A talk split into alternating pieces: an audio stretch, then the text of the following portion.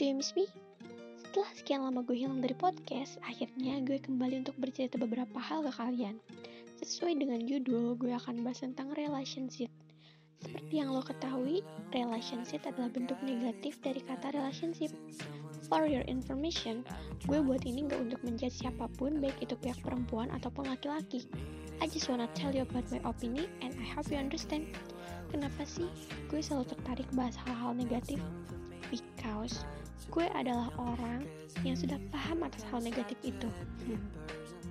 So guys, let's hear it. Pernah gak sih lo ngerasa jenuh sama hubungan lo? Rasa kayak, ini kok gini-gini aja ya? Or something different? Gue yakin, 9 dari 10 orang yang denger ini menjawab iya dalam hatinya. Kenapa sih? Dalam hubungan selalu ada rasa jenuh, bosan, capek. Menurut gue, itu adalah hal paling manusiawi yang bisa manusia rasain karena gue pun mengalami hal itu. Ada kalanya gue ngerasa kalau gue jenuh dengan perdebatan-perdebatan gak jelas sama doi. Berantem gede sampai diam-diaman berhari-hari, saling curiga berujung ribut lagi. Same as you. Gue juga merasakan kejenuhan seperti itu dalam hubungan gue. Terus, cara lo untuk mengatasinya gimana? Adakah di antara lo semua yang justru malah mengakhiri karena ngerasa jenuh? Atau malah menduakan karena bosan? Kalau ada, gue cuma mau bilang kalau lo adalah bangsat yang paling sering ditemui di bumi. Ketika lo memulai hubungan dengan seseorang, seharusnya lo bisa membiasakan diri dengan kebiasaan orang itu juga. Ketika dia lakuin hal yang menurut lo gak bisa ditolerir, bukan berarti lo harus hukum dia tanpa lo jelasin alasannya. Just talk about it and describe that's problem. Jangan pergi dan menghilang hanya karena lo pengen dia cari. Jangan marah tiba-tiba hanya karena lo pengen dia bujuk. Listen to me. Dia bukanlah budak lo yang bisa lo perlakuin sesuka hati lo. Ketika lo bisa kecewa karena kesalahannya, dia pun bisa kecewa karena dihukum tanpa dia paham apa kesalahannya. Perempuan, laki-laki, keduanya sama aja. Mereka bukan cenayang yang tahu perubahan sikap lo itu karena apa. Yang paham lo marah itu kenapa? Perlakuin seseorang seperti lo ingin diperlakukan dan gak jarang gue temui ada satu oknum lelaki ataupun perempuan yang kedapatan selingkuh terus nyebar alibi. Gue gini karena lo egois. Bapak marah. Or gue gini karena lo gak pernah perhatiin gue. Let's see. Itu hanyalah argumen orang bodoh. Kalau memang lo rasa gak cocok kenapa gak diomongin dan diselesain aja? Pilihannya cuma ada dua. Selesain masalah ketidakcocokan itu atau selesain hubungan itu Dunia gak pernah kasih lo pilihan ketiga dengan berselingkuh. Tapi ikatan setan selalu menawarkan jalan itu. Selingkuh dilakukan sama orang yang pada dasarnya masih terikat dengan pasangannya, tapi dia ngerasa udah gak ada kecocokan di antara keduanya. Hal itu cuma dilakuin sama orang-orang lemah yang gak bisa mengambil keputusan untuk hidupnya sendiri. Dia masih bergantung sama orang lain, tapi dia menyakiti orang yang ia jadikan tumpuan itu. Kalau bisa lo putusin, kenapa harus lo selingkuhin? Jangan rusak kebahagiaan orang lain demi kebahagiaan tidak mendasar dari lo sendiri.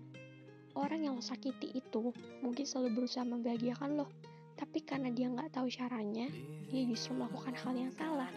Karena yang ngerti diri lo adalah diri lo sendiri, lo bisa ngomong sama dia lo mau diperlakuin kayak apa, dan lo juga bisa tanya soal itu ke dia. Nyatanya itu bisa bikin semua masalah jadi mudah. Sharing adalah sebuah hal yang paling penting dalam hubungan. Tanpa sharing, hubungan lo akan garing, membosankan, dan ujungnya putus adalah jalan keluar. So, this is a childish, right? Jadi, dari sini ada yang paham gak sih konteksnya kayak gimana? Relationship itu adalah satu circle, satu hubungan yang gak baik. Jadi, lo sama dia mulai satu hubungan, tapi lo ngerasa terlalu terikat gitu hubungan itu mengikat satu sama lain tapi ini beda. Lo ngerasa kayak lo nggak bisa ngapa-ngapain lo harus uh, ngikutin apa mau dia gitu loh. Itu adalah relationship dan kalau lo merasakan itu gue saranin lo untuk berhenti. Karena pada dasarnya hubungan yang baik itu tidak mengikat tapi tidak juga membebaskan. Dia tahu batasannya. Dan ketika orang yang diberi kebebasan dia kelewat batas itu pantas lo tinggalin. Lo nggak boleh menghabiskan waktu lo untuk orang-orang yang tidak tepat kayak gitu. Jadi ngerti kan maksud gue apa? Terima kasih untuk kalian yang udah ngerti atau kalian yang belum ngerti kalian bisa ulang podcast gue lagi untuk memahami setiap kata yang gue ucapkan barusan. itu uh, dan terima kasih sekali lagi buat kalian yang udah dengerin podcast gue yang selalu uh, ngasih motivasi gue yang suka uh, DM DM gue di Instagram. Makasih banget kalian tuh sampai bela-belain dari Instagram gue gitu kan uh, nanya-nanya Instagram gue terus apalagi podcast yang pertama.